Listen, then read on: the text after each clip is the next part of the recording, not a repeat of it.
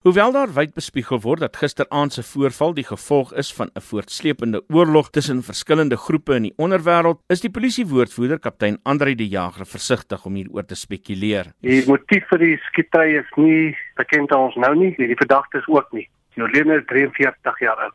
Toe hy by die hoeke van Kloof en van Bierenweg gestaan het by die verkeerslig, het 'n uh, motorfiets met twee verdagtes op langs hom ingetrek. Hulle het die oorledene deur die venster van sy voertuig geskiet en weggery.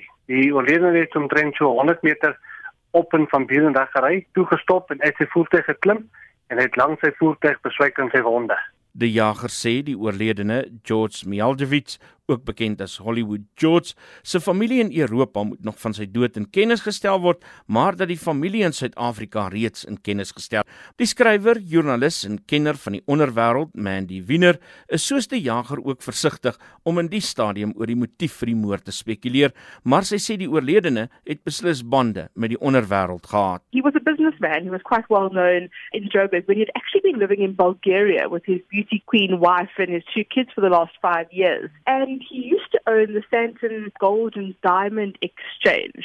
So in around 2012, 2013, he was quite involved with Radovan Krejcer and Joan Mayer. At that time, he was arrested by SARS for underdeclaring his VAT. And then his father was kidnapped and tortured around that time as well, and he left the country. Twee verskillende brandvoorvalle waarin huise gisteraand ook beskadig is, het tot verdere spekulasie gelei dat die onderwêreld besig is met 'n volskaalse oorlog, maar Wiener sê sy dink die soort spekulasie is vergesog. Die feit is egter dat die voorval weer eens die fokus op Bedford View plaas as 'n soort toevlugsoord vir bendebase wat skatryk uit misdaad geword het. Wiener sê daar is 'n amptelike studie wat die persepsie oor Bedford View bevestig. The one is this cosmopolitan village-like atmosphere, so it's got that European sense about it, and that's why so many Eastern Europeans in particular seek refuge there. Um, also, its location geographically, it's very close to all the highways. It's at the intersection uh, of a lot of the main arteries. It's close to the, the M2 Epo, where there's a lot of storage done there and a lot of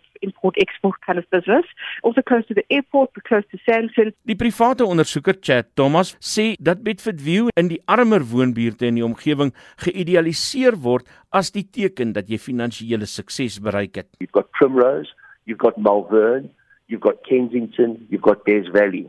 And a lot of the rougher type Johannesburg boykies that grew up, that lived in Des Valley, Malvern, Primrose, who boxed for a living, got involved in the bouncing ward, etc., always dreamed to migrate to an area like Bedford View. Intussen het heelwat buitelandse misdaadbase ook besluit om die woonbuurt hul tuiste te maak en Thomas rit sy name af van bekende mense wat daar gebly het. You had the attorney George Martelides who is now on the run. He shot and killed Kevin Tradesman in Bedford Centre.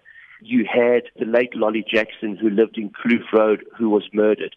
You had Radovan Krejcer who lived in Kloof Road who's now imprisoned. You had Sam Issa, who lived in Bedford Gardens, who was a well known drug runner who has now been assassinated. But it involves people that have come up through the boxing fraternity. It involves people that were involved in the bouncing world. It involves people that were involved in the car trade. One of the regulars of Bedford View who lived in Cafe Society, who died in Highland Road, which is neighboring Bedford View, was Ray Barris. Lest we forget, that's where the bomb went off at Radovan Krejcer's Golden Diamond Exchange. Thomas sê Bedford View se totstandkoming is nou verbind met Hillbrow van vroeër jare se geskiedenis. Hillbrow was where all the foreigners came to stay. It was very cosmopolitan, but there was always an underbelly of crime. As those people got money and progressed, they, like those people that neighbored Bedford View, also migrated towards Bedford View.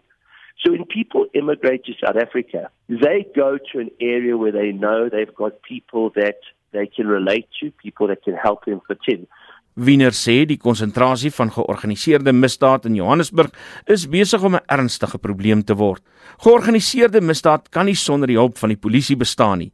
Maar om dit te vererger, is die Suid-Afrikaanse Polisie Diens se intelligensie vermoë erg verbrokkel en oneffektief. Because we've seen a series of incidents over the past few months in Joburg, in Randburg in particular, where there's been uh, Serbians with paramilitary history being taken out in what looks like organized hits as well by professionals. So there's clearly something going on in Joburg with the Serbian community and organized crime here, and there doesn't seem to be too much intelligence about it. And I think that's what's uh, what's concerning is the fact that our police intelligence structures, which historically um, have been crippled over the past 10 years or so and are now rebuilding, have just not got that structure in place where they know what's going on. Dit was die joernalis en skrywer van die boek Ministry of Crime, Mandy Wiener. Ek is Isak Du Plessis vir SAK nuus.